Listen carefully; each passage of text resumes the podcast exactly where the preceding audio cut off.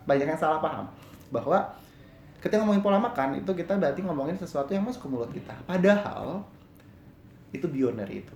Kita ngomongin pola makan itu dimulai dari bahkan ketika kita bikin list belanjaan. Hmm. Bukan pada saat kita masukin makanan ke mulut doang. Jadi dari mulai kita ngelis belanjaan kalau ibu-ibu nih Atau nggak ngelis gitu. atau nggak ngelis gitu. Iya. Nah itu tuh berpengaruh tuh. Jadi bahkan bukan cuma ketika ngelis ya, ketika mau merencanakan ngelis atau tidak ngelis bahan makanan yang akan kalian beli. Ketika kalian belanja bulanan atau ketika kalian bikin beli stok makanan buat Hmm. di kosan. kayak gitu.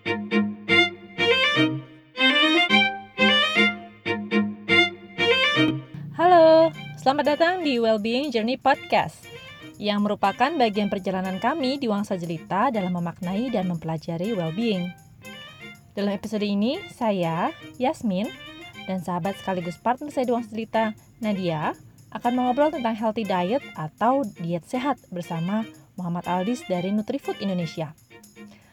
Aldis adalah seorang konsultan di bidang nutrition and wellness dan memiliki sertifikasi dari American Fitness and Professionals Association. Saat ini, Aldis menjabat sebagai Nutrition Sustainability Associate sekaligus Head of Health Committee di PT Nutrifood Indonesia. Selama ini, Aldis sudah menjalankan program-program kesehatan karyawan di seluruh site Nutrifood, aktif dalam kolaborasi nutrisi bersama pemerintah maupun organisasi seperti Scale Up Nutrition Business Network, dan aktif menjadi kontributor maupun narasumber untuk artikel-artikel kesehatan seperti di Detik Health dan liputan6.com. Jujur ya, sebelum aku dan Nadia ngobrol sama Aldis, aku kira aku sudah cukup paham soal yang namanya diet sehat atau healthy diet. Ternyata aku keliru. Dalam obrolan ini ada banyak hal-hal baru yang kupelajari tentang arti sehat dan diet. Bukan cuma soal pola makan loh, tapi pola hidup. Kami bicara soal apa sebetulnya arti sehat. Kita juga bahas soal diet dan mitos-mitos populer seputarnya. Lalu kita ngomongin juga tentang apa yang perlu diperhatikan kalau mau mulai hidup sehat dan gimana cara memulai dan konsisten menjalankannya.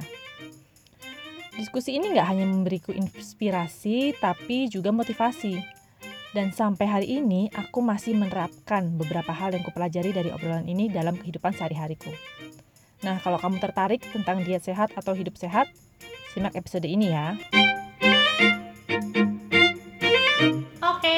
Thank you Aldis sudah mau ikutan uh, Wellbeing Journey Wellbeing Journey Podcast. Podcast kali ini. Sama-sama teman-teman WJ. Kita mulai langsung aja ya. Oke. Dis, jadi sebenarnya apa sih artinya sehat itu? Em, kalau ngomongin sehat sebenarnya artinya apa bisa dibilang eh, definisinya cukup luas sih banyak orang yang tidak menyangka bahwa definisi sehat itu eh, seluas itu karena kan gini eh, orang mikirnya kalau sehat itu oh nggak sakit Hmm. atau misalkan nggak kena penyakit oh dia sehat gitu padahal sebenarnya kalau kita mengacu ke definisi sehatnya WHO eh, sehat itu eh, more than absence of illness atau disease itu tapi lebih ke uh, kondisi di mana ketika physical, mental dan juga well-being kita itu in the optimal condition. gitu. Jadi percuma ada orang yang secara uh, fisik dia nggak ada penyakit, tapi dari segi uh, mental dan well-beingnya dia uh, buruk atau misalkan dia lagi stres, kondisinya uh, tertekan gitu kan, well-beingnya tidak optimal itu berarti tidak dikatakan bahwa dia sehat. Jadi definisi sehat menurut WHO itu sebenarnya adalah eh, seholistik itu gitu. Berarti nggak bisa juga ya aku tiba-tiba bilang kayak aku sehat nih, aku harus tunggu dulu nih kebiasaanku sehat apa kayak gitu ya? Yes. Heeh. Berarti ini Wow. masalah habit, masalah uh, apa yang kita kerjakan sehari-hari yang akhirnya menghasilkan si definisi sehat yang holistik tadi itu. Betul, betul. Jadi kita nggak cuma lihat dari outputnya, tapi memang habitnya juga. Kayak kebiasaan kamu tuh sehat nggak sih gitu. Atau your lifestyle itu seperti apa gitu. Oke, kalau ngomongin lifestyle nih, ngomongin habit, um, kayaknya nggak jauh-jauh ngomongin soal makanan kan, karena itu yang paling dekat tiap hari kita pasti ya, pasti perlu. Coba ngomongin soal diet dong, Dis, karena kamu juga kan pakar nih. Um, apa sih kesalahpahaman tentang diet? Tadi mungkin ada kesalahpahaman tentang, Tentang sehat. sehatnya ya. Sekarang kita ngomongin diet, ada kesalahpahamannya juga nggak sih tentang kata si diet ini? Ya, jadi benar-benar. Jadi eh, menarik sih terkait dengan diet ini. Jadi orang uh, memang uh, kalau ngomongin uh, sehat salah satu yang uh, isu yang menarik yang untuk dibahas yang uh, paling enak untuk dibahas dan paling ngena dengan masyarakat Indonesia itu adalah terkait dengan pola makan gitu ya Hmm. karena uh, pola makan tuh uh, ibaratnya bisa dibilang adalah suatu faktor yang memang menentukan uh, sebagian besar dari uh, definisi saat itu sendiri sih menurut aku menurut aku ya. Dan kalau kita ngomongin pola makan atau ngomongin uh, uh, uh, dietary habit gitu ya diet lah let's say itu masih banyak juga yang salah paham gitu. Banyak yang me- merasa bahwa oh kalau diet diet itu adalah kondisi di mana dia harus melakukan sesuatu untuk mencapai eh, target atau tujuan eh, kondisi kesehatan tertentu. Padahal sebenarnya diet itu is healthy lifestyle yang mana harus diterapkan setiap waktu gitu, bukan pada momen-momen tertentu. Karena ada orang kalau misalnya cewek-cewek bilang ini lagi diet nih mau merit gitu misalnya. Padahal sebenarnya ya diet itu harus diterapin terus gitu, bukan hanya pada saat eh dia mau merit doang. Dan konsep diet itu sendiri yang salah adalah bukan diet tapi yang diterapin itu adalah healthy diet. Karena diet sendiri itu artinya kan makan Hmm. sedangkan kalau kita ngomongin eh, diet yang paradigma orang zaman orang Indonesia sekarang diet itu adalah justru malah Membatasi makan. membatasi makan, tidak makan. Padahal artinya diet sendiri adalah makan. Nah, konsep yang benar adalah bukan diet, tapi healthy diet. Yang mana harus diterapkan terus-menerus setiap waktu dan itu menjadi part of our lifestyle. Seperti itu. biasanya kan kalau orang diet itu umumnya adalah misalkan mau mencapai berat badan tertentu gitu ya Mm-mm. terus uh, biasanya ketika sudah sampai berat badan itu nah itu seolah-olah tujuannya udah tercapai itu berarti itu salah ya ketika ketika misalkan aku diet nih mau mencapai Hmm. berat badan lu turun 10 kilo setelah turun 10 kilo oke tujuanku udah tercapai terus aku berhenti itu berarti uh, kurang Nah. tepat ya kayak gitu ya Ya bisa dibilang sebenarnya bukan konsep healthy diet yang seharusnya eh, dilakukan untuk eh, menunjang kondisi kesehatan kita yang optimal gitu. Jadi memang harusnya itu menjadi embed di dalam healthy lifestyle kita dengan eh, pola yang benar dan eh, perlu digarisbawahi juga bahwa ini tuh nggak bisa berdiri sendiri gitu. Jadi pola makan atau healthy diet ini nggak bisa berdiri sendiri untuk mencapai definisi sehat yang tadi kita bahas di awal. Dia tuh harus eh, ibaratnya kayak punya eh, kayak rata ratu dan raja lah gitu. Jadi healthy diet itu eh, ratunya dan rajanya adalah eh, good exercise atau good physical activity gitu. Jadi orang nggak cuma bisa eh, ngarepin atau bergantung hanya pada pola makannya yang eh, baik saja, tapi juga dia harus menerapkan pola olahraga atau aktivitas fisik yang juga cukup gitu untuk bisa eh, mendapatkan definisi sehat yang optimal yang tadi kita omongin di awal. Aku nanti mau ngebahas soal si exercise tapi mau ngegali dulu tentang Hmm. si healthy diet ini. Kita mau mulai nih ceritanya. Hmm. Uh, healthy diet di kehidupan sehari-hari. Hmm. Pertanyaannya mulai dari mana sih, Dis? Ada nggak yang perlu diukur dulu? Oke. Apa ada setting goalnya kah? menarik karena gini ya bener sih banyak orang yang merasa aduh makanan atau pola makan atau pola diet gue eh, gue nggak sehat nih Hmm. terus pengen coba untuk eh, benerin atau coba untuk kembali ke jalan yang benar. Ya tapi tapi Hijrah kadang- gitu ya. iya hijrah gitu. Kembali ke jalan yang benar. Tapi bingung gitu mau mulai dari mana ya? Apa mulai dari eh, ikutan tren dia tertentu? Hmm. atau misalkan mulai dari kayak tadi teman saya mau merit gitu kan ada momen-momen tertentu. Kalau saya bilang itu sebenarnya momennya adalah eh, disesuaikan dengan kondisi masing-masing gitu. Karena eh, tiap orang itu punya jam biologis yang berbeda dan juga punya momen of eh, momen of apa ya momen of hidayah yang berbeda nah jadi eh, Udah kayak ustadz aja nih kuliah jadi ini po- podcastnya podcast apa nih? ini podcast tentang ada pesan-pesan terselubung Enggak, enggak, enggak. spiritual ini. spiritual podcast. Jadi eh, kalau bisa dibilang paling eh, yang paling general itu yang bisa applicable buat semua orang. Pertama adalah tahu kondisinya dulu. Tahu eh, kondisi kita seperti apa. Nggak cuma dari kondisi pola makan, tapi juga kondisi eh, fisik kita. Jadi kayak eh, kita udah ada di derajat keparahan yang mana nih? Ibaratnya kayak gitulah. Ibaratnya kita udah sebenarnya separah apa sih kondisinya atau seberapa beresiko kondisi kita maka kita harus bisa melakukan eh, screening atau self assessment dulu terhadap parameter-parameter tertentu. Dengan Ya, cara nah aku coba share parameternya yang general ya. Hmm. Eh, biasanya kalau misalnya untuk tahu kondisi kita tuh bisa juga pertama tuh kita lihat dari BMI atau body mass index. Hmm. Body mass index itu adalah eh, angka yang bisa menunjukkan eh, keidealan badan kita secara proporsi dari eh, berat badan dibandingkan dengan tinggi badan kita. Berat badan bagi Bagi tinggi, badan. Jadi kalau rumusnya tuh berat badan bagi tinggi badan dalam meter kuadrat. Oke. Nanti ada kita akan mendapatkan angka. Mungkin teman-teman yang dengar bisa langsung hitung. Gimana tuh ya rumusnya? Eh, tinggi badan berat pangkat dua. badan dibagi tinggi badan pangkat dua. Tapi Oh. tinggi badannya dalam meter ya. Jadi kalau misalkan Oh, Oke. berat badan 165. kita 75 Hmm. itu misalkan atau 78 gitu kan bagi tinggi atau let's say 75 dibagi misalnya tinggi badannya 170 Hmm. saya 1,7 1,7 kuadrat Satu. berarti Oh, I see. kalau pakai kalkulator tuh 1,7 dulu dikuadratkan Ya, ya. coba ada yang menghitung X lah ya pokoknya. Nah, itu Ya. nanti ada ada eh, angkanya ada angkanya dan ada skalanya sekian sampai sekian itu dia kategori apa, sekian sampai sekian kategori apa gitu ya. yes jadi kalau yang tadi aku contohin misalkan berat badan dia 75 tinggi badan 1,70 Mm-mm.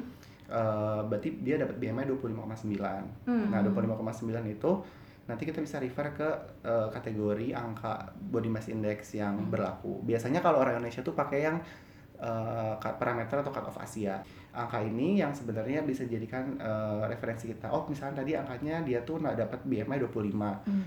25 ini kalau di cut off-nya si eh, Asia itu misalnya masuk ke mana? Oh, masuk obesitas ternyata 25 tuh. Hmm. Oh, berarti dia statusnya adalah obesitas. Dan itu beda kalau cut off-nya misalkan orang Kaukasian gitu. biasanya eh, orang zaman dulu kita merefer ke cut off orang orang bule orang Kaukasian. Di mana sebenarnya itu kurang tepat karena berdasarkan penelitian terbaru kalau kita lihat di jurnal-jurnal terkait obesity dan juga terkait dengan penyakit kronis gitu ya itu sudah mulai direkomendasikan bahwa untuk orang Asia tuh lebih baik merefer ke kategori atau cut off khusus orang Asia. Kenapa? Karena dari secara etnis orang Asia dan orang bule itu punya uh, kecenderungan uh, fat dan juga risiko penyakit yang berbeda. Jadi gini, ada orang yang sama-sama BMI-nya let's say 25, tapi untuk orang bule itu 25 itu masih less risk atau dengan BMI seperti itu uh, persentase lemak tubuh, di tubuh dia masih lebih rendah dibanding orang Asia yang sama-sama BMI 25 gitu. Makanya orang bule 25 belum dikatakan obesitas, masih overweight, orang Asia itu di cut off-nya sudah masuk obesitas gitu. Kebayang nggak? Hmm, Karena- artinya aku jadi menyimpulkan berarti BMI itu satu alat untuk melihat uh, Resiko. kondisi kita sekarang, tapi mesti dilengkapi sampai yang tadi kamu sebut lemak. Nah, berarti ada lagi ya ada parameter selanjutnya kan udah ketahuan si BMI-nya atau proporsi dari secara fisik berat badan dan tinggi badan. Hmm. Kita harus lihat juga kondisi dalam tubuhnya. Yang Hmm. tadi aku bilang, makanya ada pembanding yang tadi lemak orang bule sama orang Asia gitu-gitu ya. Hmm. Dan sebenarnya bisa kita lihat juga bahwa tiap orang tuh persentase lemaknya bisa beda-beda. Jadi yang kedua itu bisa dilihat juga dari persentase lemak kita. Kalau misalkan teman-teman yang suka nge-gym atau teman-teman yang eh, punya alat atau sempat bisa ke lab gitu ya, bisa cek eh, kondisi kadar lemak di dalam tubuhnya. Hmm. Itu bisa pakai eh, beberapa alat lah udah banyak sekarang ya di eh, laboratorium, di eh, tempat-tempat fitness. Kita cek tuh posisi tubuh kita. Jadi kalau misalkan proporsi tubuhnya tadi udah ketahuan, oh saya tuh masuk yang ideal, Hmm. overweight atau obesitas atau malah underweight itu bisa kita lihat bahwa oh di dalam proporsi seperti ini tubuh saya itu lebih banyak lemaknya ya dibandingkan komponen lain. Let's say biasanya kalau kita bandingkan dalam istilah nutrisi atau diet itu eh, biasanya kita bandingnya lemak dan juga otot karena itu adalah dua hal yang sangat fluktuatif bisa berubah dengan pola hidup atau dengan pola makan dan exercise kita. Sorry, aku mau mengklarifikasi dulu. Jadi Hmm. lemak itu nanti ada angkanya dan angkanya ini juga ada kelas-kelasnya masing-masing. Betul. Nanti ada kalau kita udah tahu persentase kita cek persentase lemak kita berapa, nanti ada cut off-nya, dia masih overweight eh masih berlebih atau eh, sudah berlebih atau masih normal. Hmm. Nah, Harapannya dengan proporsi badan BMI dia yang ideal, harusnya lemaknya juga ideal kan, normal. Hmm. Berarti dia udah kayak oh aman nih orang gitu kan. Di segi risiko dia berarti eh, bisa dikatakan eh, di di dalam kondisi yang eh, tidak berisiko atau kondisi dengan risiko rendah. Kalau misalkan dia BMI-nya ideal dan persentase lemaknya dia juga normal. Ada kondisi orang di mana BMI-nya tuh ideal, bahkan underweight, tapi lemaknya banyak. Jeng jeng. Nah ini yang Aku banyak orang nggak sadar. Jadi kalau orang yang badannya udah obesitas, lemaknya banyak udah obvious kan. Mhm. Maksudnya udah ya udah kelihatan lah, udah badannya gede, lah ya. expected lah ya, Hmm. karena udah terlihat dari si proporsi BMI-nya. Nah tapi yang masalah di sini yang banyak orang nggak sadar, terutama orang Indonesia banyak sih sebenarnya terutama orang-orang eh, yang masih muda gitu ya orang-orang yang baru lulus kuliah first jobber gitu ya banyak yang dia tuh ba- badannya itu secara proporsi BMI normal atau ideal tapi ketika dilihat persentase lemaknya itu sangat tinggi Apa yang Fenomena yang seperti ter- itu? Nah, fenomena terjadi ketika dia itu bisa jadi ototnya under. Oh, jadi Jadi keisi Aktivitas. sama lemak gitu. Si badan yang proporsinya segitu-gitu aja, yang nggak membesar itu, karena space buat ototnya itu sedikit atau ototnya sangat sedikit, jadi space yang masih kosong itu terisi oleh lemak. Makanya nggak heran bahwa dia badannya itu ideal atau kurus, tapi dalam tubuhnya lemaknya banyak. Itu pengaruh makan, makan exercise atau exercise aja? Dua-duanya. Dua-duanya ya. biasanya kalau yang kayak gini tuh fenomena terjadi pada orang-orang yang nggak olahraga hmm, tapi pola makannya berantakan atau yang secara genetik dia cenderung kurus Hmm. karena kan secara genetik dia cenderung badannya kurus kan pernah lihat gak ada orang yang badannya Iya, tuh mau makan apa banyak, aja iya. tapi kurus gitu kan Hmm, hmm.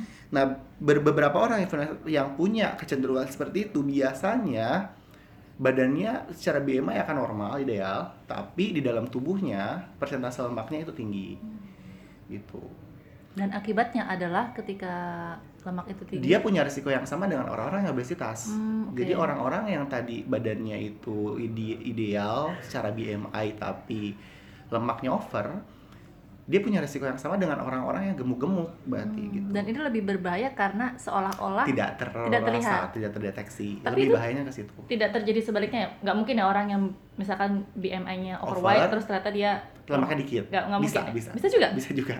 Kalau kayak gitu dia tetap Tapi yang kalau kayak gitu tuh mungkin kasusnya jarang ya. Biasanya cenderung terjadi pada orang-orang yang memang dia atlet atlet atau Oke. orang-orang yang dia secara physically sangat aktif gitu. Misalkan orang-orang yang nge-gym. Hmm, Itu kan dia building muscle tuh. hmm. Makanya nggak heran badannya akan besar.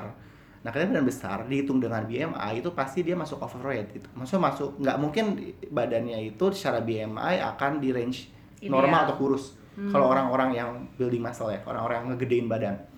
Tapi kalau kita lihat proporsi lemaknya, itu pasti dia kalau misalnya dia beneran building muscle dan melakukan aktivitas fisik yang tinggi, itu pasti dia persentase lemaknya akan lebih rendah dibanding ototnya. Makanya cenderung akan persentase lemaknya normal atau malah cenderung kurang. Dan itu oke nggak apa-apa kalau kayak gitu. Itu secara metabolik lebih sehat. Eh, tadi Aldis cerita kalau cara ngukurnya biasanya di lab atau di eh, Tempat Tempat Fitness. fitness bisa gitu Dan- atau di lab. Itu memang alat ukurnya nggak nggak dijual umum ya? Hmm, dijual umum, dijual umum Oh, beberapa gitu. ada, bisa teman-teman cek kalau misalnya ada yang mau. Namanya tuh bioimpedance analysis atau analyzer itu bisa bentuknya kayak timbangan dan mereknya banyak banget bervariasi. Kita bisa be- beli yang buat di rumah juga bisa. Bio? Bioimpedance analyzer. Ya, itu kayak konsepnya tuh dia mengalirkan eh, aliran listrik yang tingkat rendah ke dalam tubuh kita dan ketika dia balik lagi ke alat itu dia bisa ngeliat berapa aliran listrik yang balik lagi karena kan lemak tuh cenderung jadi Menghambat. inhibitor betul Hmm. Pak. semakin dia banyak lemaknya bisa ketahuan tuh sama si alat itu ya kayak gitulah konsep kasarnya Oke, once kita tahu nih, oh iya ternyata aku underweight, oh iya aku Ha-ha. ternyata ideal, aku ternyata overweight atau bahkan obese. Next stepnya apa dis? Next stepnya adalah eh, review habit. Jadi yang kalau kita ngomongin, bahkan tadi kita di sini tuh kan kita ngomongin ada tiga eh, hal yang bisa dirangkum kalau dari definisi setnya WHO. Karena kita ngomongin sickness, ngomongin well-being, dan juga ngomongin eh, apa ya stress management atau misalkan kondisi mental Hmm. maka kalau misalkan kita lihat what's next after kita melihat kondisi kita, eh, habit yang bisa kita lihat adalah dari pola makan kita. Seberapa buruk sih pola makan kita sekarang? Hmm. Nanti kita bisa nanti akan bahas ya, pola makan yang buruk kayak gimana, yang bagus kayak gimana. Terus dari physical activity seberapa aktif kita. Terus bisa juga dimasukkan manajemen stres kalau menurut aku. Jadi kayak tiga hal itu yang bisa kita emphasize sih. Manajemen stres maksudnya kayak sekarang itu apakah gue tidur cukup? Hmm. apakah sekarang itu kerjaan yang saya lakukan itu membebani hidup ini dengan sangat berat gitu ya nanti perlu direview lagi nah once itu udah ketahuan sisanya ya diserahkan kepada kalian masing-masing dan lakukan secepatnya dan sebisanya gitu karena kita nggak bisa bikin standar yang mana kamu harus makan eh, cuman apel doang pagi. Malamnya makan cuman brokoli doang. Maksudnya kita nggak bisa langsung state seperti itu. Karena tiap orang tuh punya kebiasaan makan yang berbeda. Katakanlah gini orang yang biasa sehari harinya itu makan nasi padang dua bungkus gitu kan pagi sama malam. Terus aku suruh dia buat makan cuman salad doang malam dan siang yang ada dia stres pasti kan bisa nggak sih dia ngejalanin itu? Dan jadi berpengaruh pada kesehatannya dia juga akhirnya. Betul. Dan pola makannya dia nggak happy nggak Hmm. akan long last udah beban hidupnya banyak stres. Jadi kayak apa Udah beban berat Jadi ya- badan dan beban hidup. jadi ya sangat penting untuk kita bisa lihat dua hal tadi melihat kondisi kita parameternya seperti apa dan melihat starter habit kita seperti apa Yang starter habit itu dibagi ke tiga komponen. Pola diet, saran aku sih kalau untuk mempermudah ya dengan Ah, ah, ah. mendapatkan hasil optimal yang tadi definisi sehatnya WHO tiga hal itu sih pola diet, manajemen stres, manajemen stres atau dari behavioral change nanti akan aku ceritain juga kayak gimana tipsnya sama eh, physical activity physical activity. Oh, kita mulai dari pola diet deh. Pola diet tuh bagi ada komponen-komponennya juga nggak sih yang bisa kita apa namanya tap into untuk, untuk mulai di Hmm. modif gitu ya. Hmm. Oh, menarik nih. Jadi kalau untuk pola makan banyak juga orang nih banyak kita kayak nge-reveal ya, reveal hal yang banyak. Mungkin orang-orang banyak yang nggak banyak yang salah paham bahwa ketika ngomongin pola makan itu kita berarti ngomongin sesuatu yang masuk ke mulut kita. Padahal itu beyond dari itu. Kita ngomongin pola makan itu dimulai dari bahkan ketika kita bikin list belanjaan. Hmm. Bukan pada saat kita masukin makanan ke mulut doang. Jadi dari mulai kita ngelis belanjaan kalau ibu-ibu nih atau nggak ngelis gitu atau nggak ngelis gitu. Iya. Nah itu tuh berpengaruh tuh. Jadi bahkan bukan cuman ketika ngelis ya, ketika mau merencanakan ngelis atau tidak ngelis bahan makanan yang akan kalian beli. Ketika kalian belanja bulanan atau ketika kalian bikin beli stok makanan buat Hmm. di kosan kayak gitu. Nah kalau bisa aku bagi ini dari dari pola makan tuh bisa ada mungkin tiga ya. Pertama itu dari food selection, food preparation, sama yang ketiga adalah ya food eating gitu ya ketika makan gitu. Hmm, coba dibahas satu des. Kalau yang pertama food pre- eh, food selection itu lebih ke ketika kita memilih bahan makanan nih atau ketika kita melakukan shopping lah, grocery shopping, belanja, apa kita sudah melakukan dengan cara yang sehat? Misalkan as simple as kita cenderung kalau misalkan ibu-ibu mungkin ya ketika belanja ngelihatnya tuh apa sih? Diskon Iya. atau informasi label gizi? Jujur. yang ada tulisan itu Kayaknya ibu-ibu sekian doang gitu. sih. aku bukan ibu-ibu aja, kayaknya ngeliat kalau diskon jadi Ya, benar. satu dan berapa gitu terus Maaf ya.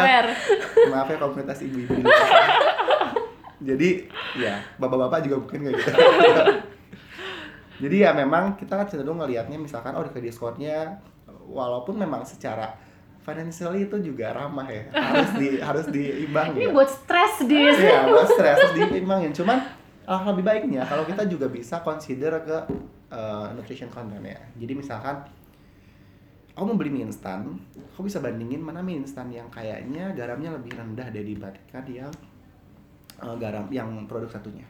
Ini good news sih. Kamu nyebut mie instan bisa dibandingin, artinya mie instan is not that Hmm. Evil gitu. Evil. Jadi Aldis masih makan mie instan ya? Ya masih masih Oh, aja. Yes. Nanti ada not from ya, ada bintang-bintang bintang dibahas lagi. Lebih dibahas lagi nih. Nggak bisa langsung di telan bulat-bulat. Iya, iya, iya, iya. Oh, jadi bandingin si nilai gizinya. Kita Betul. melihat uh, benefit dari masing-masing opsi makanan yang mau kita Ah, pilih. ah. Paling simpel sebenarnya kalau buat makanan instan itu lebih atau buat makanan kemasan, kalian lihat di label gizinya, lihat di kandungan gula, garam dan lemaknya. Hmm. Itu yang ada tulisan nutrition fact atau apa? Informasi nilai gizi. gizi ya. Coba dong dijelasin dis yang gula garam lemak itu ada. Ah, Kenapa aku sebutin ke situ? Karena si komponen gula garam lemak ini sebenarnya akan aku bahas di bagian yang komponen food yang ketiga, yang food Hmm. eating. Ah, Cuma nggak oke. apa-apa sih, ini karena ngaruh juga ke food selection. Jadi kenapa aku nge-highlight gula garam lemak? Karena itu adalah komponen yang besar eh, peluangnya untuk kita konsum berlebih dan juga besar dampaknya ke eh, kondisi penyakit penyakit kronis zaman sekarang lah. Ibaratnya kayak hubungannya ke diabetes, penyakit Hmm. jantung, hipertensi, stroke itu sangat kuat gitu ketika orang tersebut mengonsumsi terlalu banyak gula, garam dan lemak. Hmm. Makanya kalau buat makanan kemasan mungkin bisa kita highlight ke situ kalau sisanya teman-teman mau consider yang lain misalkan oh nih bahannya labelnya organik atau enggak atau oh nih bahannya kayaknya cenderung eh, apa dairy free atau apa gitu ya de- ya itu kan disesuaikan dengan Hmm. kondisi masing-masing cuman untuk general kita ngomongin general rule atau oh, yang, yang lebih bisa diaplikasikan secara umum itu eh, mungkin bisa dilihat dari gula garam lemak. Selanjutnya bisa dilihat juga dari eh, misalnya gini kita belanja makanan food selection kalian tuh lebih nyiapin waktu lama di bagian mana sih ketika kalian belanja di fresh food atau di eh proses food? Atau di eh, misalkan Snack makanan sih. kalengan? Ya atau snack makanan kemasan mana yang diskon gitu ya? Ya. Cenderung orang tuh merasa dia merasa sehat ketika dia eh, spending waktu banyak di fresh food. Padahal ini sedikit tips juga nih. Kalau kalian merasa pengen belanjaan lebih sehat itu sediain banyak waktu justru malah di ketika kalian di eh, proses food. Ketika di corner makanan kemasan. Apa psikologi di balik itu? karena ketika kita belanja di bagian corner fresh food waktunya bentar itu mau belanjanya apa pun secara random kalian pasti makan beli makan bahan makanan yang fresh kan. Sayur buah yang notabene ya itu pasti makanan-makanan sehat. Hmm, tapi kalau kalian belanjanya itu di bagian yang kemasan punya waktu banyak itu kan punya waktu banyak untuk yang tadi aku bilang di awal membanding-bandingkan. Oh, oke oke oke. tapi kalau kalian itu buru-buru banget di bagian pas makanan kemasan, cenderung kayak apa aja deh. gitu Tanpa kan. harus tanpa consider mana yang healthier choices. melakukan proses seleksi yang tadi Betul. penting itu. Ah, oke. Nah terus kita ini dari food selection, sekarang dari food preparation. Oh food selection juga sebenarnya kalian juga bisa nggak cuma tadi dari tips yang kor- apa memilih me- spending waktu eh, dengan melakukan plan belanjaan juga bisa memudahkan kita untuk bisa lebih eh, mindful ketika kita mau atau lebih aware ketika kita mau pilih makanan. Contohnya gini, banyak kadang-kadang kita merasa oh saya mau belanja ini belanja ini belanja ini tapi nggak ditulis alhasil ketika di eh, supermarket atau ketika mau belanja ada makanan yang sebenarnya nggak yang dibutuhin banget dan cenderung nggak sehat dibeli gitu dan yang cenderung sehat itu terlupakan Hmm. misalkan gini kita mau belanja beli ini ada list misalnya oh minyak. Minyak itu kan banyak pilihannya kan. Ketika kita bikin list itu kita bisa nyiapin nih oh gua harus bikin minyak atau saya harus beli minyak yang lebih sehat. Atau misalnya saya harus beli daging putih instead of daging merah. Itu kan kalau di planning gitu kan atau misalnya dibikin atau saya mau kayaknya mau masak eh, opor ayam yang bisa digabungkan dengan telur. Berarti kan dia udah bisa ngelis tuh belanjaannya. Daging putihnya ayam sama telur Hmm. tapi kalau di- nggak ditulis Duh beli apa ya? Ah pengen mood lagi mood pengen bikin semur atau bikin rawon belinya misalkan jeroan daging daging merah yang Hmm. mungkin secara bahan makanan itu lebih tidak sehat dibandingkan daging putih dan juga telur. Iyalah Hmm. dibanding kalau misalnya milih jeroan sama daging merah bandingin sama daging putih ayam dan juga daging ayam dan juga telur pasti lebih sebenarnya secara bahan baku lebih sehat yang daging putih dan juga telur dan seterusnya dan kayak gitu misalkan oh mau beli mayones pilih mayones yang lebih rendah garam atau mau beli kecap beli kecap yang rendah garam. Mau beli minyak minyaknya yang lebih sehat gitu. Misalkan instead of minyak kelapa sawit atau minyak kelapa sesekali ganti ke minyak kedelai minyak canola minyak jagung yang secara komponen lemak lebih sehat. Jadi itu harus- kita ngomong food selection. harus sedetail itu ya. Maksudnya kita nggak cuma bilang minyak tapi kita bilang minyak apa gitu. Nggak cuma daging tapi daging apa Ya, gitu ya. lebih baik kalau misalkan mau ngebikin plan atau bikin bahan belanjaan kalau bisa kasih note itu. Hmm. supaya kalian juga bisa terremind. Hmm. Well, bukan mempersulit tapi ini untuk membiasakan aja dulu. Nanti lama kelamaan kalau udah biasa nggak perlu. Itu juga udah ibaratnya udah di luar kepala. Ini kan buat orang yang lagi hijrah ceritanya kan. Hijrah. Nah, dari kebiasaan yang tidak sehat ke yang lebih sehat. Yang kedua kita ngomongin food preparation. Food preparation itu penting ketika kita eh, misalkan gini. Kita udah beli bahan makanan yang sehat. Misalnya saya tadi telur daging putih tapi kita olah dengan cara yang tidak sehat misalkan dadar telur tapi minyaknya yang segabrek dan minyaknya itu minyak yang udah diolah berkali-kali Hmm. Udah dipakai, pakai lagi, pakai lagi lagi. pakai lagi terus si telur dadarnya tuh yang berenang-renang uh, gitu kan.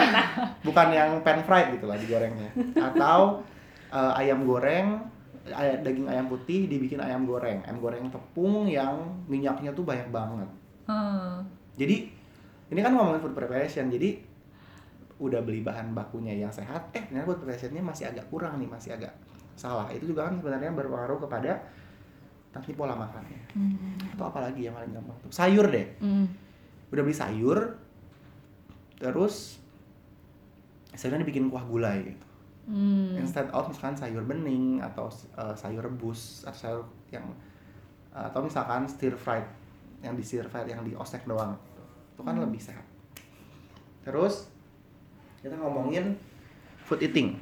Kalau pas food eating ini sebenarnya applicable buat mungkin anak-anak kos juga. Karena kan mereka udah nge-skip tuh yang tadi tahap yang kedua ya food Mungkin dia nggak mempersiap, eh, food tadi kata tidak ada kan? Yasmin, kalau buat yang anak-anak kos ya dia langsung ya udah yang jadi aja dimakan. Nah Hmm. ini juga bisa nih poin ketiga yang perlu kita untuk ingat.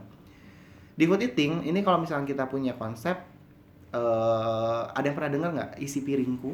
Itu konsep yang dipakai eh, untuk menjaga balance nutrition kita. Jadi keseimbangan pola makan kita tuh dijaga dengan si eh, isi piringku yang eh, guideline-nya ini sudah dipakai juga oleh pemerintah kita Kementerian Kesehatan. Jadi kalau kita ngelihat si guideline piring isi piringku itu kalau misalkan kita makan anggap aja piring itu kebagi empat. Oke, kebagi empat sama bagian. Kebagi empat sama bagian biar nggak biar nggak susah lah sebenarnya kalau di guideline-nya kalau kalian googling itu bagiannya itu jadi dua per tiga sepertiga sepertiga dua per tiga Eh, nasi bagi empat itu dibagi jadi lauk pauk sumber karbohidrat terus Apa tuh eh, contohnya? Makanan pokok sumber karbohidrat itu kayak misalnya nasi jagung Oke, Kentang. pasta kentang Hmm. itu seperempat seperempatnya lagi eh, lauk pauk sumber protein oke. Contohnya contohnya telur ayam, ayam, heeh. ada kan pilihan yang non animalnya Tempe, juga ya tahu. ada tadinya. ha. tempe tahu gitu ya terus seperempatnya lagi sayur seperempatnya lagi buah Hmm. nah fenomenanya adalah setiap hari kita nggak mungkin mungkin susah mungkin ya buat teman-teman anak kosan buat dapet empat komponen itu kan. Misalkan aduh kagak ada buah gitu kan. Hmm. apalagi anak kosan beli di warteg ya warteg kadang-kadang cuma adanya salak sama pisang. Udah Hmm. kagak ada gitu makanya dia udah telat gitu kan. Udah habis tuh si pisangnya. Lu gimana ya? Kalau kayak gitu bisa disiasatin jadi yang setengahnya tadi dari lingkaran seperempat seperempat yang tadi pakai sayur sama buah buahnya hilangin diganti jadi sayur setengah porsi Ah. nah itu juga oke. bisa jadi dalam satu piring bisa bagi empat karbohidratnya atau sumber tadi makanan pokok si nasi roti kentangnya seperempat lauk utama atau lauk sumber proteinnya seperempat seperempat sayur seperempat buah atau karbohidrat sumber eh, protein, Protein. sama sayurnya setengah Hmm. Pertanyaan, gue slide dulu. Eh, karbohidrat itu berarti kayak mie sama bihun itu termasuk karbohidrat. termasuk Jadi kalau misalnya kita kadang suka dapat nasi kotak tuh, terus Ah. ada nasinya ada lagi Ada bihunnya. heeh. Nah itu berarti sebenarnya mereka itu bukan lauk ya berarti ya. ya kalau di konsepsi isi piringku itu masuknya harusnya ke yang sumber karbohidrat Jadi kalau bihun-bihun aja, mie mie Ke mana aja, nasi nasi ya aja. boleh juga di combine asalkan Ah, porsinya seperempat dari piring itu Hmm, Ya, misalkan saya nggak mau nasi doang, pengennya ada jagung, ada eh, bihun, ada minyak, ya boleh. Tapi porsinya ingat harus cuma seperempat dari satu piring. Jadi si mie dan bihun tuh jangan diperlakukan sebagai Lauk. lauk gitu. Hmm. Terus eh, tadi soal protein eh, ada anggapan bahwa kalau misalkan protein itu bukan hewani itu em, karena kadang-kadang orang merasa kalau lauk itu nggak daging itu kayaknya kurang gitu. Sebenarnya ini nggak sih? Apa matters kayak gitu? Ah, ah. Atau Sebenarnya sumber protein itu yang penting yang di highlight di sini adalah sumber protein yang tinggi protein dan rendah lemak. Hmm. Jadi mau sumbernya nabati atau hewani nggak masalah. Cuman memang kenapa disarankan hewani karena secara sum- secara kandungan protein dia lebih lengkap dibandingkan sumber protein nabati. Makanya kalau saran dari anjuran nutrisi atau anjuran healthy eh, atau balance diet kalau bisa dua-duanya ada sumber protein Hmm. ada sumber hewani ada jadi misalkan paling enak Sumber tuh prota- protein nabati. eh nabati ya. ada al- yang hewani ada jadi kalau saya tuh paling gampang tuh contohin kayak misalkan kalian bikin eh, orek tempe itu kan ada terinya Hmm. ada tempenya gitu. Tapi ya jangan digoreng di fried ya. Atau misalkan eh, stir fried tempe yang pakai eh, teri lah atau pakai ikan. Itu kan sebenarnya udah dapat hewaninya dapat nabatinya dari tempe. Atau bisa juga kayak misalkan kung pao chicken yang pakai tofu Oh, Hmm. iya. itu kan ada ayamnya Ada ada, tahunya. tahunya kalau nggak ada tahu pun dia ada ayamnya ada kacang melenya dia udah Hmm. dapat sumber proteinnya sumber hewaninya juga jadi bisa dikombin sih sebenarnya nggak harus yang kayak lauknya dua jenis gitu nggak Hmm. juga satu jenis lauk juga misalkan di dalamnya ada yang nabati hewani juga boleh atau kalau nggak ada hewani nabati juga eh, bisa-bisa aja gitu kan terutama misalkan let's say kita ngomongin tempe lah Indonesia kan eh, misalnya di eh, karuniai oleh sumber makanan yang sangat kaya nutrisi yaitu tempe yang banyak Hmm. orang sebenarnya nggak ngeh bahwa tempe itu se nutrisinya se-rich itu loh gitu. Oh wow, gitu ya? Iya, hmm. jadi eh ya tempe itu sumber protein yang oke sih buat bisa kita pakai untuk lauk pauk kita sehari-hari. Dan relatif lebih murah gitu ya. Betul. Oh biasanya yang sumber nabati itu biasanya lebih murah daripada yang sumber hewan. Jadi tinggal diatur aja lah. Aku mau agak melenceng sedikit ngomongin karena ini kita ngomongin ada sumber protein hewani, nabati. Kan kita ada ya teman-teman yang memilih untuk hidup Sebagai vegetarian. Ya, nah itu em, gimana sih pendapatmu tentang Vegetarian. kebutuhannya akan eh, protein? Oke. Karena biasanya orang juga pertanyaan yang muncul nanti dapat proteinnya dari mana? Padahal sebenarnya ada kan kayak Ya. tempe aja contohnya. Untuk orang vegetarian tuh sebenarnya pendapat aku sebenarnya pertama salut sih. Jujur salut. Pertama pendapat pertama banget dari My Honest Opinion adalah salut ke mereka. Kenapa salut? Karena sumber makanan vegetarian di Indonesia itu susah kalau kalian misalnya mau makan di resto atau makan di tempat makan di luar lah. Mau Opsinya belum banyak opsinya gitu ya. belum banyak Hmm. dan yang buat yang enak itu sangat sedikit. Hmm, Jadi ya lumayan sulit lah ya Lumayan untuk sulit. konsisten dengan itu. Ya. Kalau dari segi benefit nutrisi itu ada plus minusnya sih.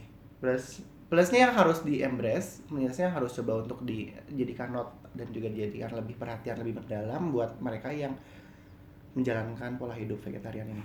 Plusnya adalah makanan sumber eh, nabati itu cenderung lebih rendah lemak jenuh. Ibaratnya kayak dia nggak perlu takut resiko terlalu banyak lemak jenuh Hmm. dari si sumber bahan makanannya. Karena kan kalau kita ngomongin daging itu kan banyak lemak jenuhnya Hmm.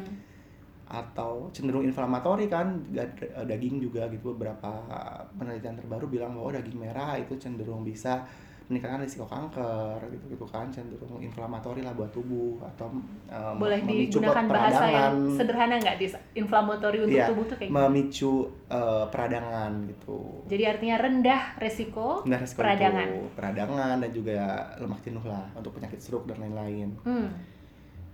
Artinya Tapi- berarti relatif lebih sehat Di eh, bagian itu. Oke. Tapi perlu di note dengan pengolahan kan tadi kita ngomongin makanan nggak cuma dari bahan baku selection tapi preparation. Jadi dengan note dia di preparation dengan benar. Karena contohnya ada misalkan nih saya vegetarian makanya sayur doang, tahu doang tapi semua makanannya di deep fry. Gorengnya di Hmm. rendam minyak yang banyak. Itu juga kan sebenarnya walaupun secara bahan baku tadi udah lebih ramah, lebih rendah lemak jenuh, eh jadi banyak lagi lemak jenuhnya karena di deep fry tadi. Ini aku membuat asumsi dia Hmm. cenderung untuk di deep fried atau menggunakan proses yang uh, berisiko karena untuk dapetin rasa yang lebih enak ya. Ah, bisa jadi Bukan itu? bisa jadi karena membutuhkan kalau yang aku lihat sih karena untuk simplicity sih biar lebih gampang gitu karena pengolahan yang paling gampang buat jenis makanan kayak gitu ya digoreng kayak misalnya Oh, gini oke. Buat sumber makanan yang kayak meat replacement lah yang kayak sumbernya dari jamur atau dari eh, kedelai itu kan kalau mau dipanggang itu kan aneh ya kalau daging ayam dipanggang kan bisa ibaratnya Hmm. tapi kalau makanan yang bentuknya kayak adonan gitu terus dia dia harus dipanggang digoreng ya. iya makanya harus digoreng jadi memang secara bahan baku mungkin udah menuntut untuk pengolahannya pun terbatas jenisnya Hmm. nah itu not dari plusnya si orang vegetarian Jadi untuk teman-teman yang vegetarian atau vegan uh, ada not bagian di itu. bagian food preparation yang harus betul diperhatikan lebih. Oke. either itu pengolahannya yang digoreng atau penambahan bumbunya terlalu banyak kayak garamnya terlalu banyak itu kan bisa kayak berasa oh makanan vegetarian itu cenderung plain jadi perlu garam yang banyak gitu Hmm. kan. atau minusnya adalah satu lagi Eh, kecenderungan orang yang vegetarian itu lack of protein benar. Jadi karena sumber protein dari nabati itu cenderung tidak selengkap protein hewani, beberapa sumber makanannya, beberapa bahan makanannya. Makanya dia cenderung ada beberapa protein yang kurang. Itu makanya buat orang-orang yang eh, vegetarian itu mungkin harus perhatikan juga asupan proteinnya. Misalkan bisa ditambahkan dengan kandungan susu. Kalau dia masih bisa minum susu ya, kan ada beberapa vegetarian yang sering nggak sampai nggak minum susu ya. Hmm. Atau dia tambahin suplemen gitu. Terutama juga beberapa kandungan zat gizi seperti zat besi sama vitamin B12 yang cenderung juga kurang pada mereka. Hmm, zat gizi B12 itu banyak di daging. Di daging memang. ya, Hmm. B12 sama zat besi. Oh, zat besi, sorry. Oke. Ya, jadi mungkin harus di eh, atau misal pilih sumber nabati zat besi yang yang mengandung zat besi banyak misalkan bayam atau sayuran hijau juga bisa. Eh, aku mau nanya lagi soal porsi. Tadi kita kan ngomongin porsi porsi makanan utama ya. Iya, yang si piring isi piringku kan. Heeh, Hmm. Tapi kalau misalkan aku tadi balik lagi ke food selection masalah snack-snack itu loh, itu kan em, kalau kita lihat di yang namanya informasi nilai gizi itu kan suka ada tuh gula sekian, ini sekian. Itu tuh sebetulnya garam sekian gitu. ya. berapa sih maksudnya Hmm. kita harus yang amannya gitu ya. Heeh. Oke, menarik. Nah, tadi kita ngomongin porsi dari si isi piringku udah jelas ya dibagi empat. Kalau bisa, kalau nggak bisa ya sebisa mungkin mendekati situ. Hmm. Kita harus juga perhatikan tadi kandungan eh, penting atau kandungan yang cenderung kita konsumsi berlebih dan juga dampak ke penyakitnya tinggi yaitu gula, garam, dan lemak di Hmm. makanan kemasan. Hmm. Nah sekarang batasannya berapa atau referensinya berapa sih si kandungan gula, garam, lemak ini supaya kita tahu ini tuh berlebih, ini tuh aman atau enggak. Hmm. Jadi di eh, pemerintah sendiri itu udah punya udah mengeluarkan Permenkes nomor 30 tahun 2013 yang mana isinya itu menganjurkan kita untuk membatasi kandungan uh, asupan gula, garam dan lemak di beberapa sampai beberapa angka batasan lah. Gula itu sehari batasannya 50 gram atau 4 sendok makan saja 4 sendok makan. maksimal. Termasuk termasuk kalau kita makan nasi kan ada gulanya juga. Nah, ya?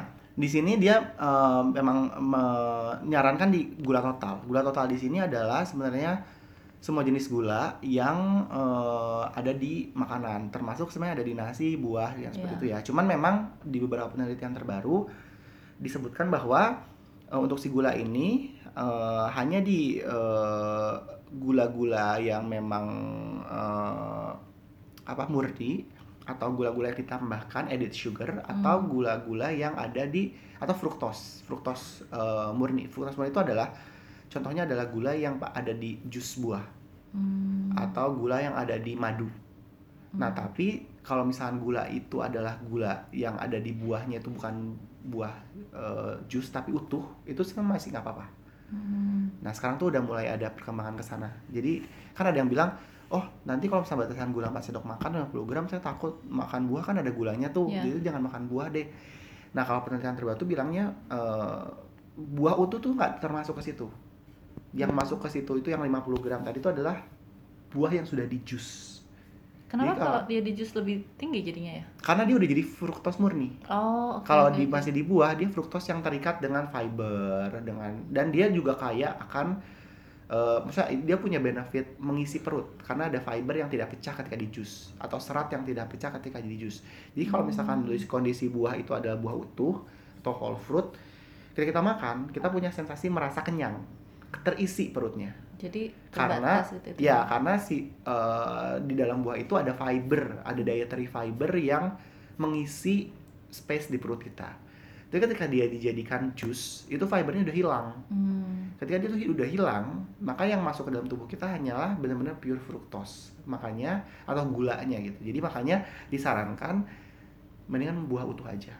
Karena apa? Karena kalau minum jus ya boleh-boleh aja, cuman ingat consider tadi batasan gula. Jadi dia masuk ke hitung ke batasan gula yang 50 gram 50 gram. per hari itu. Eh, susah juga ya ngitungnya kalau misalnya jus kita gimana me- Mengira-ngira. Iya, mengira itu berapa udah berapa gula yang kita konsum melalui satu gelas jus. Satu gelas jus ya. Jadi memang tapi kalau kita bandingin nih misalkan jus buah bandingin sama minuman eh, Botol Sirup gitu ya. sirup atau minuman botol ya jelas sebenarnya harusnya lebih tinggi eh, kandungan gula yang ada di minuman botol atau minuman kemasan gitu ya dibandingkan jus tapi tetap jus juga harus diperhatikan tadi kan kita punya batas- batasan 50 gram jadi lebih ke Di sini tuh kalau kita ngomongin batasan gula gram lemak kita akan bahas lebih lanjut.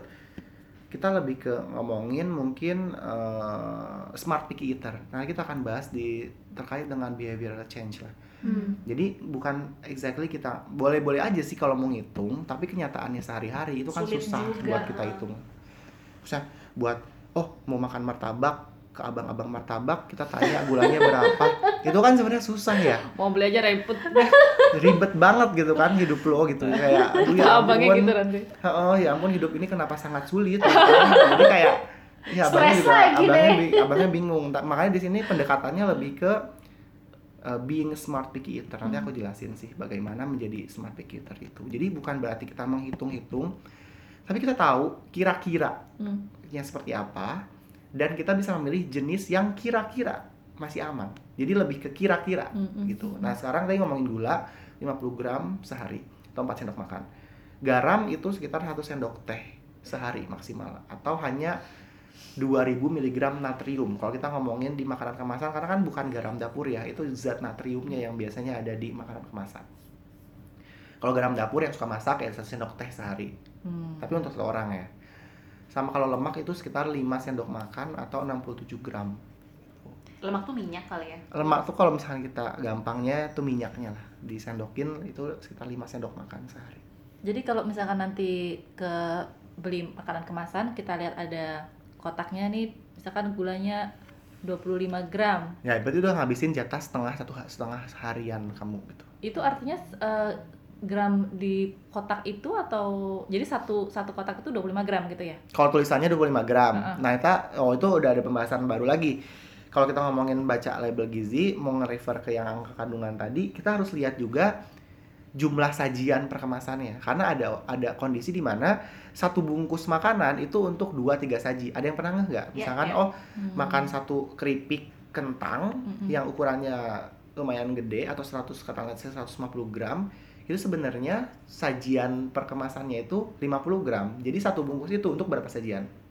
kalau tadi jumlahnya 150 gram berarti untuk tiga kali Oh, oke, Nah, oke, oke, oke.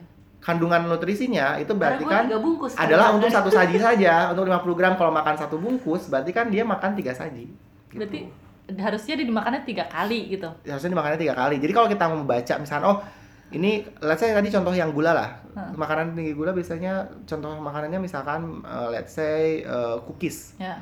atau misalkan let's say ya contohnya eh, choco chips lah. Heeh. Misalnya beli choco chips di suatu eh, supermarket di kemasannya itu choco chips itu ad- adalah untuk dua sajian. Hmm. Misalkan satu bungkus itu. Di label gizinya tulisannya satu sajinya itu 20 gram. Hmm. Kita kalau ngabisin satu bungkus, itu kita ngabisin 20 gram gula atau berapa gram gula? 40. 40 gram Jebakan karena dia Batman itu ya? Iya, betul. Nah, itu makanya karena itu untuk satu bungkus, sedangkan nutrisinya itu dilabelin buat satu sajian. Dan sedangkan satu bungkus itu ada dua sajian. Jadi harus hati-hati ke situ juga.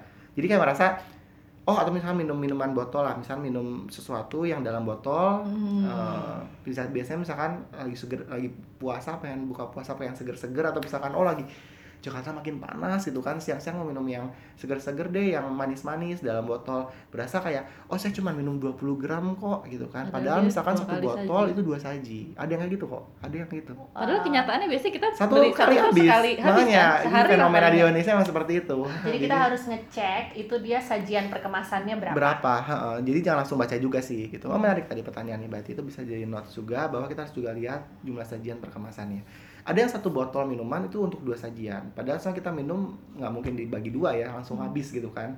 Nah eh, itu tadi fenomena yang si kebatasan gula garam lemak yang harus dibatasin. Nah tapi tetap lagi kalau bisa teman-teman baca di label- gizi ya boleh. Tapi sisanya kalian kira-kira aja dari makanan yang kalian konsumsi gitu. Sekarang ini kan kalau soal ngomongin soal pola diet atau kesehatan Hmm. itu kan banyak ininya ya, banyak eh, fakta-fakta fakta-fakta dalam tanda kutip yang beredar. Mm-mm. Aku pengen tahu menurutmu eh, apakah ini benar atau enggak? Misalnya ada yang bilang bahwa sarapan itu paling penting gitu. Jadi sarapan itu adalah the most important meal of the day. The itu day, ya. gimana menurutmu? Oke.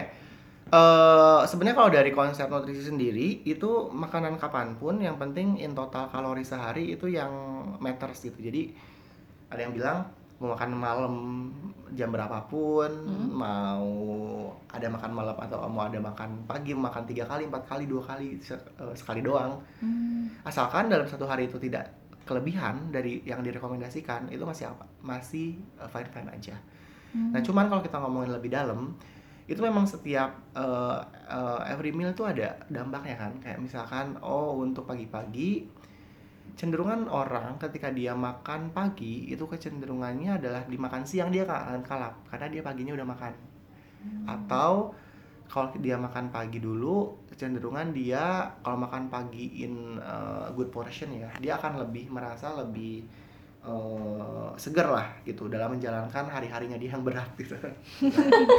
godaan buat cemilan mungkin lebih kurang Terus godaan ya cemilan lebih berkurang. Jadi ada kalau kita ngomongin lebih dalam lagi, ada dampak-dampak yang sebenarnya bisa kita lihat benefitnya ke hal behavior gitu atau ke eh, ya ke, lebih kecenderung ke behaviornya lah gitu. Jadi eh, atau misalkan gini, kalau misalkan makan sekali doang dalam sehari itu sama aja dengan makan lima kali sehari, secara behavior mungkin ada beda, ada dampak yang berbeda. Kenapa? Karena ketika kita makan satu kali doang, kecenderungan kita akan kalap, makan Hajar apa aja semua. hajar semua. Tapi kalau makan lima kali, dibagi-bagi porsinya kecil-kecil, itu cenderungan kita akan lebih mindful. Hmm. Karena kayak lebih terkontrol gitu kan, kayak oh makannya juga nggak yang terlalu bernafsu-nafsu amat, dia lebih bisa makan perlahan, memilih dengan baik. Nah sekarang kalau kita ngomongin sarapan, secara nutrisi dari segi kalori dan lain-lain sebenarnya nggak ada bedanya sih dengan makan siang atau makan malam. Cuman yang tadi ada faktor-faktor lain yang bisa berdampak ke individunya masing-masing. Terutama buat yang suka nyemil di jam-jam 10, jam 11 atau buat yang kalau makan siang tuh, tuh suka kalap Hmm. untuk menghindari itu mungkin bisa dengan membiasakan sarapan. Dan itu kalau dilakukan benar juga nggak sih? Aku ngebayanginnya kalau seandainya sarapannya nasi uduk Betul. satu bakul gitu ya, Betul. nanti efeknya juga jadi ngantuk. Jadi Betul. Jadi ada- memang selain waktu, timing itu adalah porsinya juga harus diperhatiin. Yang tadi balik lagi ke yang tadi prinsip yang tiga makan itu sih sebenarnya. Ini kan kita ngomongin food eating kan, berarti kan yang ketiga kan. Hmm. Food eating ya berarti kalau misalnya sarapan pun ingat porsinya yang tadi balance dengan isi piringku dan gula garam lemaknya jangan berlebih. Tetap aja itu sebenarnya Hmm. konsepnya ya maksudnya. Jadi ya apakah itu important? Hmm, nah, not really important asalkan dengan kalau yang penting adalah bukan Iya. sarapan atau tidaknya, tapi yang tadi konsep food eatingnya itu yang ben- yang paling penting. Gitu. Oke.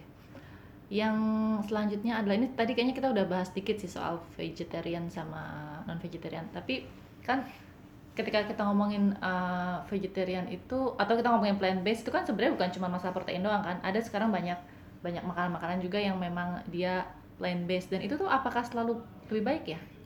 Kalau plant based mungkin tadi kita udah singgung sedikit ya pas Ya. ngomongin yang lauk, uh, Mhm. misalnya tadi lauk sumber nabati, lauk sumber Protein. hewani ya, protein sumber nabati, protein sumber hewani. Jadi konsepnya sama seperti itu sih. Kalau yang plant based itu bisa dibilang apakah itu lebih sehat dibanding yang hewani ya nggak juga sih, karena ada plus minusnya Plus juga minusnya kan tadi. ya. Maksudnya yang perlu kita tahu adalah ya tadi kita jadi smart picky eater aja sih menurut aku. Hmm. Jadi kita bisa selain mengira-ngira kadar gula garam lemak, kita juga bisa mengira-ngira mana yang suit for us. Kebutuhannya gimana? Kalau misalkan gini, saya punya riwayat kolesterol yang tinggi, Hmm. saya mau beralih ke sumber makanan yang cenderung plant based. Ya mungkin itu bisa jadi uh, healthier choice buat saya karena saya cenderung punya kadar kolesterol yang sangat tinggi gitu. Tapi ingat tadi yang tiga poin makanan ya, food selection, food preparation, dan food eating. Preparation kalau kita ngomongin terkait dengan sumber makanan. Jangan sampai sumber makanannya udah benar, udah suit dengan uh, udah cocok dengan kebutuhan, preparationnya salah. Hmm. gitu. Tetap itu juga sih balik lagi. Kalau yang tadi sarapan itu lebih di note di food eatingnya yang ini lebih di note-nya ke food preparation ya gitu. Kalau makanan instan gimana menurutmu? Karena kan em, yang instan gitu cenderung nggak sehat gitu Iya, ya kalau orang-orang mikir. Nah sekarang gini eh, yang nggak instan itu katakanlah eh, tadi lah jeroan itu kan nggak instan kan betul juga sih.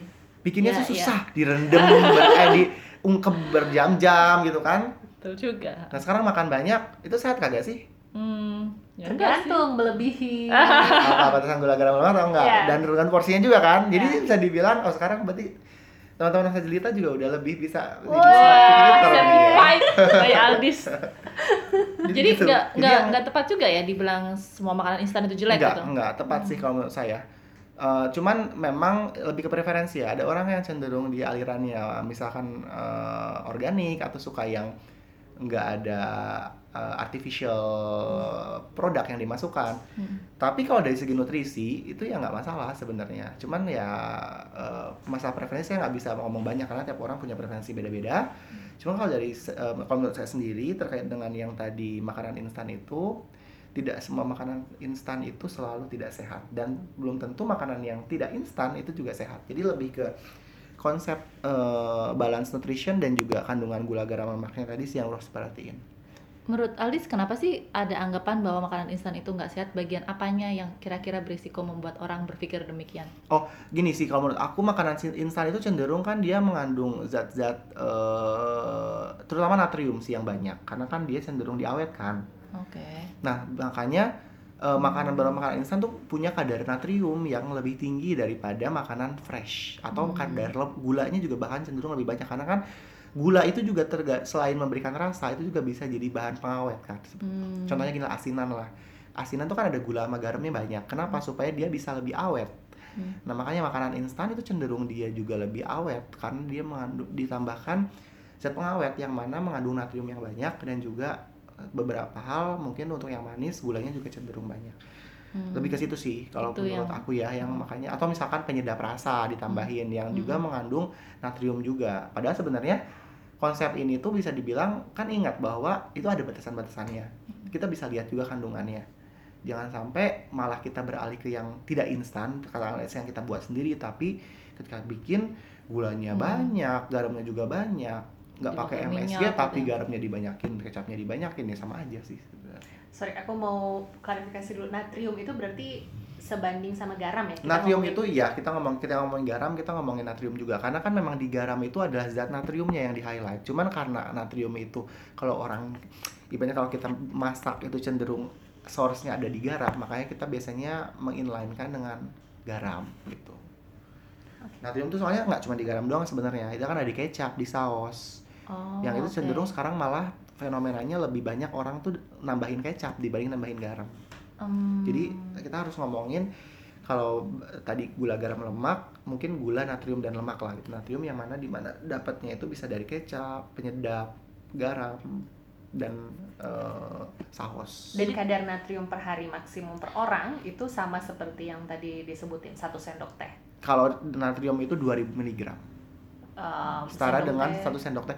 Jadi satu sendok teh garam itu isinya itu ada 2000 mg natrium Ah, I see. gitu. oke. Jadi kalau natriumnya pure doang itu 2000 mg. Jadi kalau kita ngelihat misalnya, ini kan balik lagi ngomongin makanan instan. Nah, kalau kita Ya, ngelihat soalnya kandungan memang tinggi gizinya, itunya ya. dilihatnya si kandungan natriumnya itu. kalau makanan instan cenderung tetap tiga-tiganya sih karena kan ada natrium, Ah, oke. ada garam, ada lemak. Cuman memang eh, untuk makanan yang cenderung manis, natrium plus garamnya, eh, per- eh, Gula. bisa dibilang gulanya mungkin kita harus lebih perhatikan karena cenderung natriumnya mungkin nggak akan banyak, nggak akan terlalu ber- sampai berlebih 2000, tapi kan gulanya bisa jadi sangat berlebih, sangat banyak yang bisa kontribut ke batasan gula harian kita. Hmm, oke. Kalau yang asin cenderung mungkin bisa lihat natriumnya.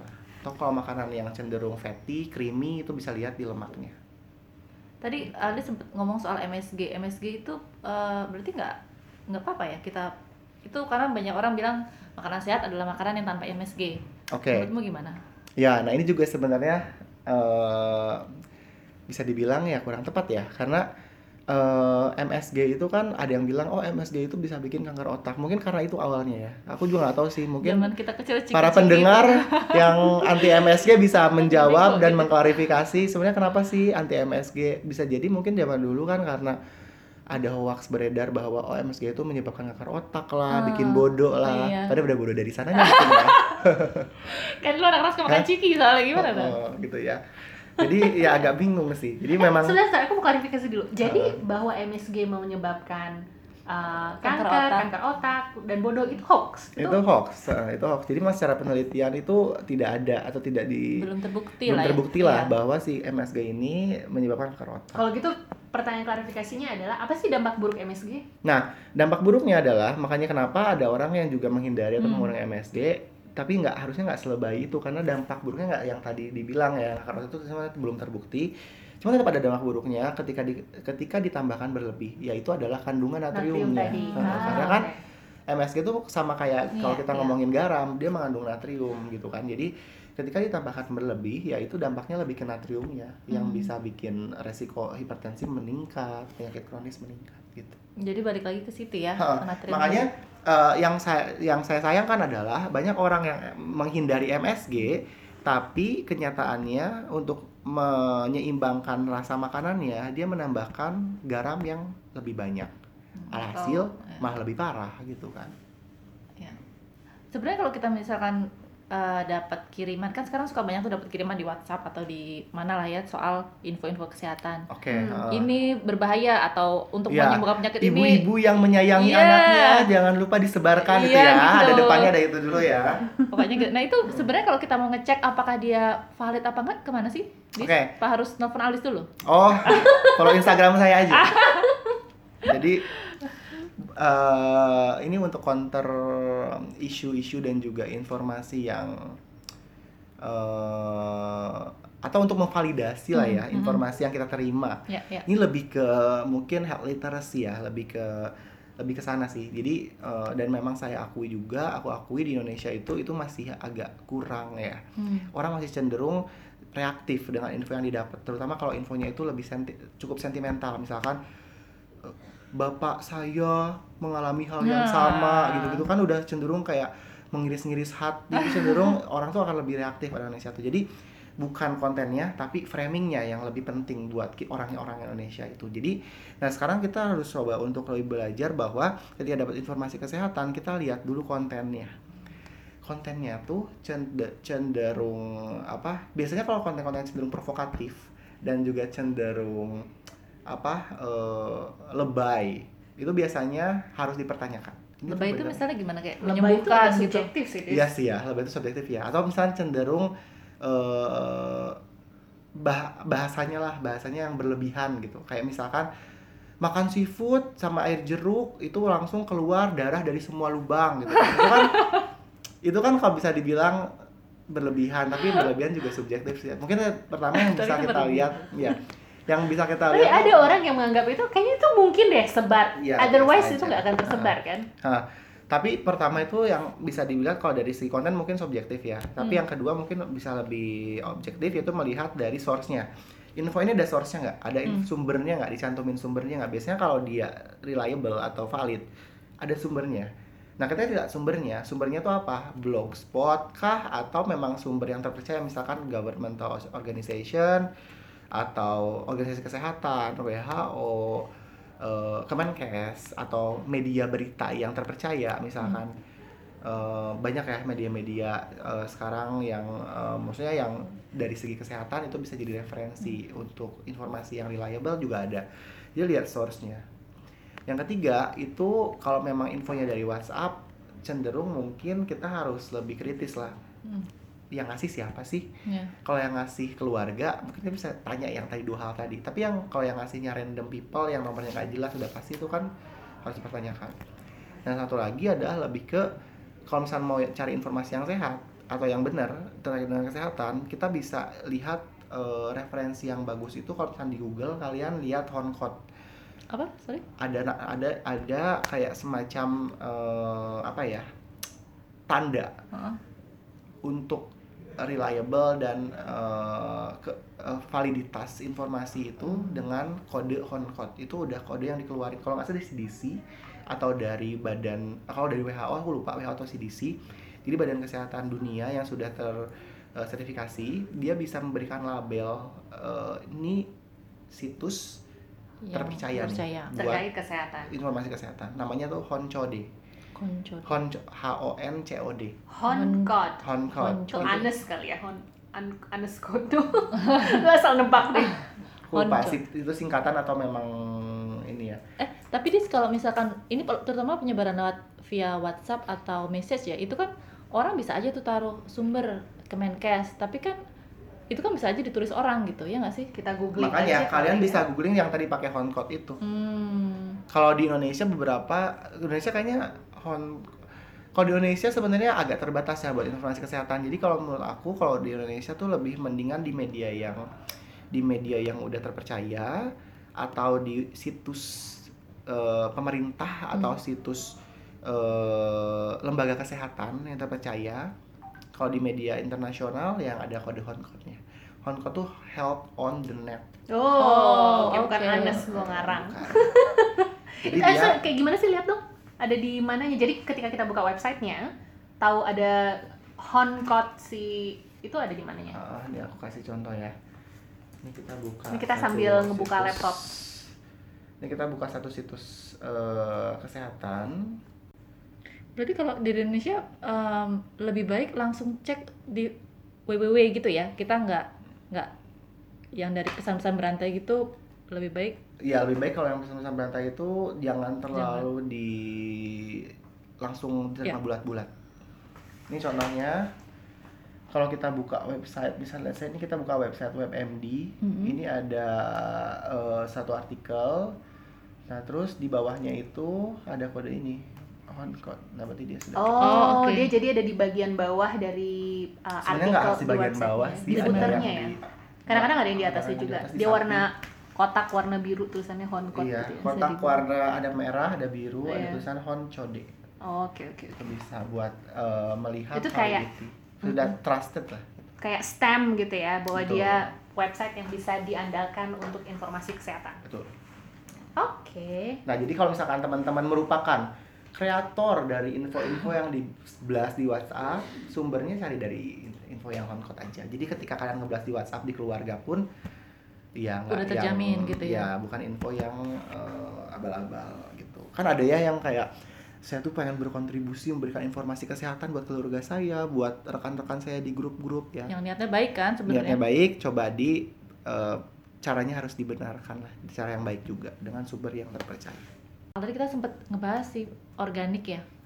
Ha, Sekarang kan fenomenanya banyak juga tuh makanan Iya. organik. Sebenarnya apa sih yang dimaksud dengan makanan organik? Karena itu kan kayaknya kayak tadi ada labelnya juga kan organik itu ada aturan aturannya sehingga si makanan itu bisa disebut ada organik gitu kan. standarnya Iya, sampai dia betul. bilang sampai dia punya license atau punya Iya. sertifikat organik gitu ya. Ha. Nah sebenarnya eh, perlu dibilang kayak makanan instan tadi jawabannya sih sebenarnya kalau menurut aku sih organik atau non organik itu karena gini eh makanan organik itu apakah semuanya sehat belum tentu juga sih sebenarnya kayak Hmm, contohnya gini Tadi jeroan tadi gitu. Oh, contohnya misalkan gini lah, ada suatu eh, racun paling organik. Cyanida itu kan organik kan sebenarnya. Dia ada racun organik yang paling berbahaya di dunia. Jadi sebenarnya kalau dibilang organik itu sehat ya Nggak bisa dipukul rata juga, begitu. Atau misalkan eh, ganja itu kan organik ya. Iya betul. Sekalian misalnya makan yang ganja itu bakal sehat. Saya belum belum tentu juga. Jadi kita harus lihat dulu eh, apa ya eh, konteks nutrisinya. Nah, kita mundur dulu deh, Dis. Definisi organik itu apa sih sebenarnya? sebenarnya macam-macam ya definisi organik itu eh, tiap eh, negara tiap lembaga itu punya definisi masing-masing dan ada kriterianya jadi nggak bisa di eh, ada yang nggak boleh nggak boleh ditambahkan zat tertentu Hmm. ada yang prosesnya harus seperti apa jadi organik ini pun definisinya tuh sangat kompleks dan juga eh, bervariasi tergantung pemberi sertifikat dari negara yang berbeda-beda. Bisa jadi di Jepang label organiknya beda sama di Kanada.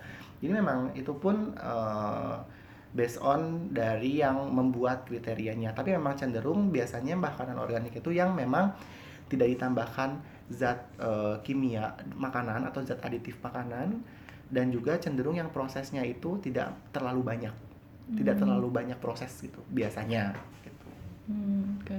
Tapi yang perlu diklarifikasi menurutmu adalah pandangan yang yang menyebutkan semua bahwa yang semua organik organik itu sehat atau pilihan yang lebih baik dibanding yang tidak organik gitu itu sebenarnya perlu ditanda itu yang perlu dulu. di perlu diluruskan lagi dan perlu di eh, maksudnya nggak semua organik itu lebih sehat loh dan Ya. nggak semua yang nggak organik itu nggak sehat jadi Ya. memang bukan organik itu bukan menjamin sehat atau tidaknya sehat atau tidaknya itu balik lagi ke yang konsep healthy eating yang tadi tiga hal itu menurut aku. Karena nggak belum balik lagi kita ngomongin makanan itu kan ada food prepar- preparation ya walaupun dia bahannya organik terus kita tadi pakainya dengan cara deep fried goreng banyakin kecap banyakin garam ya tetap aja sebenarnya kan jadinya nggak sehat juga. Atau yang makanan yang eh, nggak organik misalkan makanan yang eh, processed food atau makanan instan tapi kandungan gula garamnya eh, dan lemaknya juga rendah dan juga dia rich of nutrition yang ditambahkan secara fortifikasi misal vitaminnya ditambahin mineralnya ditambahin yang sesuai dengan kebutuhan kita ya That's okay ya. that's okay gitu Yeah. sebenarnya actually Hmm. Kalau ini eh, mau nanya soal fenomena yang lain, ini kan sekarang lagi banyak nih eh, kayak kopi-kopi atau minuman-minuman yang kekinian Ah, macem-macem lah ya. Iya. aku juga kadang-kadang ini sih kadang-kadang kalau lagi kalau lagi apa ya mumet gitu ya Itu comfort food, Dis. bisa jadi comfort food memang sih Dan Iya. sekarang di mana-mana ada jadi kayak gampang banget kan kalau mau betul beli. plus ada banyak promo Ah iya. Oke, Dis gimana tuh menurutmu? terkait dengan minuman dulu ya minuman Iya. kekinian ya jadi minuman kekinian itu kita spesifik ngomongin minuman aja ya karena memang sekarang pun yang memang banyak fenomenanya yang banyak dikonsumsi dan juga ini adalah minuman. Yang menariknya adalah data riset kesehatan dasar Riskesdas tahun 2018 itu menyebutkan bahwa konsumsi minuman tinggi gula itu sekarang tuh eh, prevalensinya atau kasusnya lebih banyak dibandingkan orang makan gorengan Oh, beralih jadi sekarang habit Padahal kita. dulu dibilangnya Padahal dibilang kan yang nggak sehat tuh gorengan, gorengan. Iya. Sekarang udah aware bahwa orang udah aware bahwa oh gorengan itu nggak sehat. Tapi orang cenderung ah ya udah minum aja deh, kayaknya minum emang nggak apa-apa deh. Padahal sebenarnya itu adalah perilaku eh, di kategori di datanya Riskes itu adalah perilaku health, eh, unhealthy behavior. Oh wow. Konsumsi minuman tinggi gula, makan gorengan dan ada beberapa hal lain aku lupa poin-poinnya tapi itu dua hal itu yang menarik sih yang aku ingat. Yang artinya sekarang fenomena minuman itu malah gula udah itu udah menyusul konsumsi gorengan Hmm. gitu. Jadi itu harus coba untuk diperhatikan apakah kita menjadi kontributor di data itu gitu yang kita selalu mengonsumsi terlalu berlebih. Padahal sebenarnya eh minuman-minuman kekinian itu yang sekarang beredar bisa dibilang rata-rata kadar gulanya banyak, tinggi gitu. Padahal kan kita tadi ngomongin gula itu batasannya hanya 50 gram atau 4 sendok makan aja sehari. Let's say gini, aku pernah eh, bandingin beberapa minuman yang di eh, coffee shop kekinian lah ya sama beberapa minuman yang lagi ngetren sekarang itu minuman boba-bobaan Hmm, gitu. hmm. Rata-rata di ukuran yang medium itu kandungan gulanya bisa sampai 3 sendok makan satu porsi. Padahal tadi kita batasnya adalah empat. empat. Jadi dia satu itu udah batas udah 3 per 4 dari Hmm. batas harian satu hari kamu. Hmm. Jadi tinggal sisa satu sendok makan lagi. Kalau kita minum eh, si minuman boba atau minuman coffee shop yang ukuran medium yang eh, biasa kita minum, bahkan bisa sehari dua kali ya. Kalau orang di orang-orang Jakarta gitu Iya, kan iya, yang iya. Pagi, hi- sore, hidupnya siang. mumet gitu kan dengan kerjaan-kerjaan eh, siangnya siangnya comfort foodnya itu gitu kan malamnya butuh comfort food lagi itu lagi jadi dua gitu kan sehari Belum lagi kalau misalnya meeting. Kita belum meeting kalau tiga meeting tempat. meeting tiga tempat tiga tiganya kan minum kayak begituan Kayak jadi cookies lagi. Ya plus minum plus makanan lain yang cenderung tinggi gula jadi itu baru minumannya doang soalnya kalau kita ngomong minuman kan ya tadi minuman tuh nggak berasa bikin kenyang jadi orang Hmm. merasa kayak oh ya udah minuman doang padahal sebenarnya gulanya Hmm. tuh banyak Jadi gimana dong, Dis? Masa kita nggak boleh minum? Tapi I mean, kalau misalnya dia masih di bawah empat, berarti kita masih boleh dong. ada dua sebenarnya hal yang perlu diingat untuk mengantisipasi itu karena kan gini ya saya juga mau minum itu aku juga mau minum itu karena itu kan sama enak terus kayak pengen sekali pengen sekali pengen posting lah di sosial media juga menunjukkan eksistensi bahwa kita tuh nggak ketinggalan ketinggalan zaman zaman, juga ya. tapi ada dua konsekuensi yang perlu diingat bahwa pertama itu kan memakan jatah gula yang banyak berarti klub kamu harus bisa opsinya ada dua either membayar kelebihan itu dengan olahraga lebih banyak Ah. Atau- jangan sampai kelebihan lagi gitu. Dengan cara ya udah kurangin lagi minuman gula. Kayak misalkan gini hari ini aku udah minum siang ini minuman boba yang gulanya banyak. Berarti seharian sisanya aku harus kurangin makanan dan minuman gula yang cenderung tinggi juga. Hmm. seperti itulah maksudnya konsekuensi yang harus kita ingat. Karena orang itu yang menjadi masalah adalah dia minum itu tanpa ada mikir konsekuensinya ke sana. Hmm. jadi kayak minum aja nggak kenyang udah seger udah gitu tapi kayak nggak mikir bahwa ini tuh adalah asupan gula yang banyak yang kalau masuk ke tubuh itu bisa resiko obesitasnya naik resiko penyakit diabetes naik resiko penyakit kronis naik dia nggak nyadar ke sana Hmm. That's why oh dia nggak berasa ada jatah harian gula juga batasannya 50 gram doang. Kalau malam diajakin lagi minum itu dia nggak akan ada masalah. Hmm. Terus kalau malamnya lagi temennya ulang tahun dikasih donat lagi lah, saya misalkan tiga biji, ya dia nggak masalah juga. Itu yang perlu di maksudnya diluruskan. Iya. Dia harus ada tahu konsekuensi ke sananya. Hmm. Masalahnya nanti dia mau ngejalanin apa kagak, ya itu sebenarnya terserah dia Iya, iya. ya maksudnya aku juga kita juga nggak bisa yang eh misalkan punya teman dia suka banget minuman itu jangan ya jangan minum minuman itu Rese kayak rese banget sih jadi teman gitu kan Makanya gitu kan maksudnya kayak punya teman. Iya, yang penting kan kita tahu, eh, kita bisa ngasih tahu dia konsekuensinya seperti apa, dan kita kasih lah tips-tipsnya. Kalau misalkan dia, nah tipsnya sekarang kita ngomongin tips ya, tips yang bisa kita kasih ke teman kita atau ke kita sendiri yang suka minuman kayak gitu. Pertama, kan udah tahu itu jatah gulanya banyak, pilih opsi yang less sugar kalau bisa. Hmm. At least kalaupun minum, ibaratnya dosanya gede-gede banget lah gitu. Gulanya nggak banyak-banyak amat Tapi kurang dong. karena lumayan lumayan signifikan loh ngurangin si gula kadar gulanya atau kalau enggak ya ganti gulanya kalau yang kopi yang Hmm. kekinian kan sekarang beberapa beberapa resto ada yang nyiapin gula pengganti yang lebih rendah kalori gitu Hmm. kalau misalkan ada opsi itu Eh, yang cara tips kedua adalah ya kalau mau eh, apa sesekali aja jadi jangan sering-sering amat frekuensinya dikurangin yang ketiga adalah biasanya orang yang suka minuman eh, manis kayak gini sebenarnya dia tuh just cuman apa sih namanya just Iya, cuman iya. pengen nyicip gitu Mhm. Jadi kalau misalnya mau Porsi kecil. pilih porsi yang kecil Ah. gitu jadi just cuman nyicip doang atau kalau punya pacar nih Berdua. berdua aja Lebih romantis lagi ya. Iya, ini tips dari saya pribadi. Iya. Kalau di jalan nih sama pacar, pengen minum itu, Irit lagi. beli satu aja, Iya, jangan bagi banyak dua. jangan banyak banyak banyak gulanya gitu kan. Malah lebih irit. Iya, jadi satu sisi ngirit, satu sisi, wah pacar aku health conscious banget, Iya. gitu kan sebenarnya. Jadi ya bisa bisa dua benefit didapat sekaligus. itu sih ya. Eh, aku mau nanya ini juga dong eh, di soal tadi kita sebenarnya awalnya udah ngomongin ya soal diet. Hmm. Kan sekarang tuh eh, diet itu udah banyak macamnya.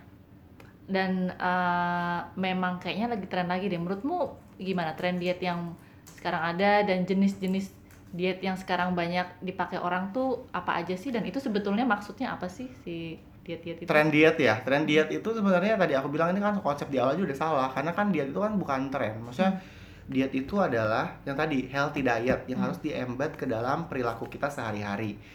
Pelan-pelan asalkan konsisten. Nggak harus yang ekstrim banget sampai yang tadi aku bilang yang biasa makan nasi padang jadi makan salad itu kan ekstrim. Bikin yang perlahan aja sesuai dengan konsep eh, yang tadi aku bilang tiga food tiga healthy food way Selection, lah, selection, preparation, sama eating. eating. Nah sekarang kalau kita ngomongin tren diet, tren diet itu ada ketika memang ibaratnya orang tuh cenderung pengen eh, momen, orang tuh butuh momen kayak gini. eh aku mau jalani hidup sehat. Hmm. Kan kalau tadi pakai caranya yang aku ceritain itu kan kayak hidupnya dia tuh kayak jadinya semua komponen tuh berubah. Mm-mm. orang kan cenderung pengen zaman sekarang ada pengen yang merasa ah yang simpel aja deh simpel tapi uh, mungkin aku bisa itu works itu buat aku. Nah makanya ada tren diet. Jadi dia pengen nyobain untuk dia mendapatkan momen untuk dia akhirnya bisa berubah.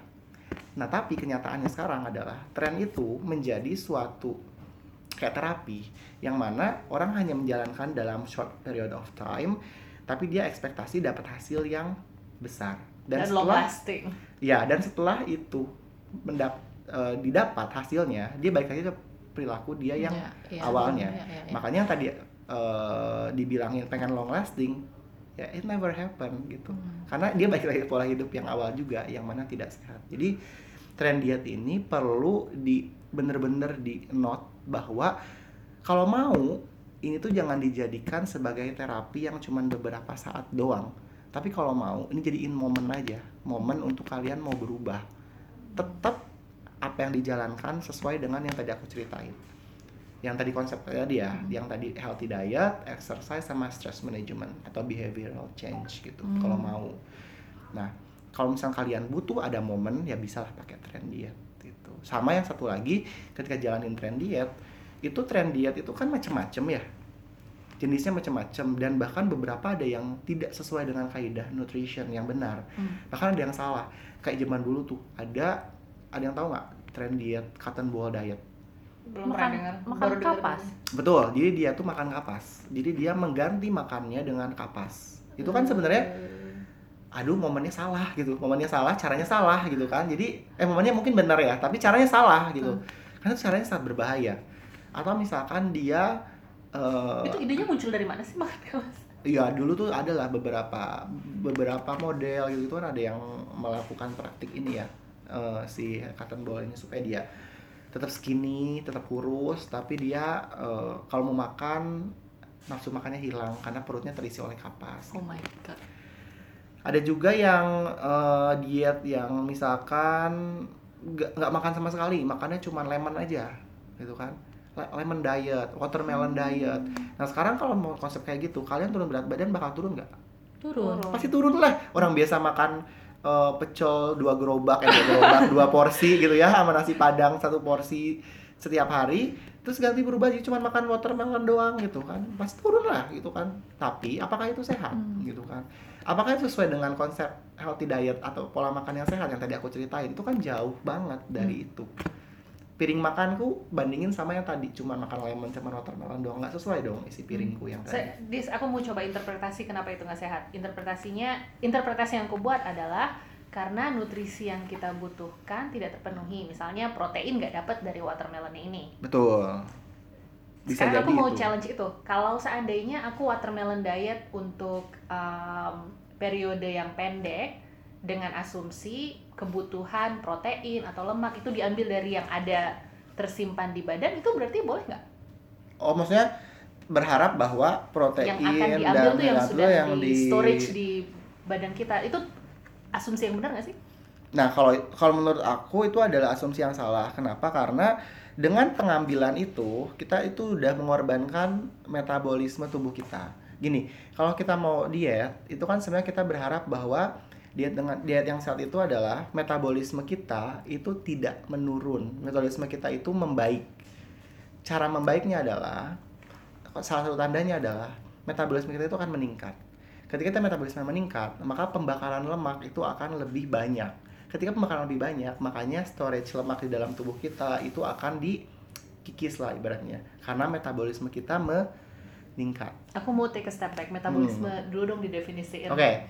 Nah tadi aku lupa ngebahas metabolisme ini di yang tadi parameter sih. Karena kan gini, kalau kita ngomongin tadi BMI, persentase lemak tubuh, ada namanya meta basal metabolic rate atau BMR. BMR ini basal metabolic rate ini adalah laju metabolisme seseorang yang menandakan proses pembakaran bahan-bahan makanan yang ada dalam tubuhnya dia pada saat kondisi dia diem istirahat. Jadi gini, kalau orang basal metabolic rate-nya itu tinggi, dia tidur aja, dia diem aja, itu udah membakar lemak. OMG gimana caranya kita meninggikan BMR Nah. gitu? Harapannya kalau diet dia sehat, yang tadi konsep itu terjalankan dengan baik, pola makannya oke, olahraganya oke, manajemen stres oke, metabolisme dia akan meningkat, BMR-nya akan naik, Hmm. harusnya. Kalau orang itu strict nggak makan, puasa, sama sekali nggak makan, yang ada adalah metabolisme menurun. Hmm. Bener sih bakalan diambil Dikikis cadangan makanan dari tubuh kita, tapi itu dengan cara yang sangat apa ya? Cara yang sangat menye- menyedihkan untuk tubuh. Gitu. Jadi kayak tubuh kita dipaksa untuk akhirnya dia mengambil semua cadangan makanan di dalam tubuhnya dia. Hmm. Dan ketika dia dipaksa, tubuh tuh akan kayak tubuh tuh pinter, tubuh tuh akan tubuh tuh akan sebisa mungkin mengoptimalkan. Jadi gini, kalau ada orang yang puasa, contohnya ini puasa lah. Orang puasa kan nggak makan sama sekali ya. Ketika dia kagak makan sama sekali, tubuh itu akan bikin tubuh tuh akan bilang gini, wah bos aku ini nggak makan, berarti aku harus melambatkan metabolismenya supaya tidak boros yang dibakar. Hmm. Jadi kalaupun dia mau meng- mengikis itu dikit-dikit. Nah, tapi ketika itu terjadi, tubuh akan slowing down the metabolism, artinya BMR dia akan menurun. Ketika BMR menurun, ya dampaknya bisa banyak lah, metabolisme akan menurun gitu kan. Itu kan banyak dampaknya juga. Kan yang bagus adalah kalau misalkan mau metabolisme BMR-nya meningkat, metabolisme meningkat. Nah, sekarang kalau misalkan dia kagak makan sama sekali, itu metabolisme turun. At some point udah turun pasti akan turun berat badan karena dikikis terus Hmm. Dia akan balik ke pola hidup yang semula pola makannya akan sama sama yang dulu. Sementara ketika pola makan sama metabolismenya udah turun Hmm. anjlok. Yang ada apa? Hmm. overweight dengan overweight cepat. obesitas dengan cepat regain. Makanya ada fenomena yo-yo diet. Orang akan cenderung balik lagi ke berat badan semula ketika sudah melakukan suatu tren atau terapi diet Terapi diet artinya dia yang in short mengurangi period of time dengan cara yang tidak benar dengan cara yang tadi nutrisinya yang tidak eh, sesuai dengan yang poin eh, tiga hal yang aku ceritain gitu Aku jadi punya sorry, go on, go on. jadi ya jadi ya tadi konsep yang kamu tanya dengan dia tidak makan berharap bahwa mengambil cadangan makanannya di tubuhnya dia benar akan terjadi tapi itu dengan cara yang salah Dan ada konsekuensi. dan ada konsekuensi yang tadi yang akan didapat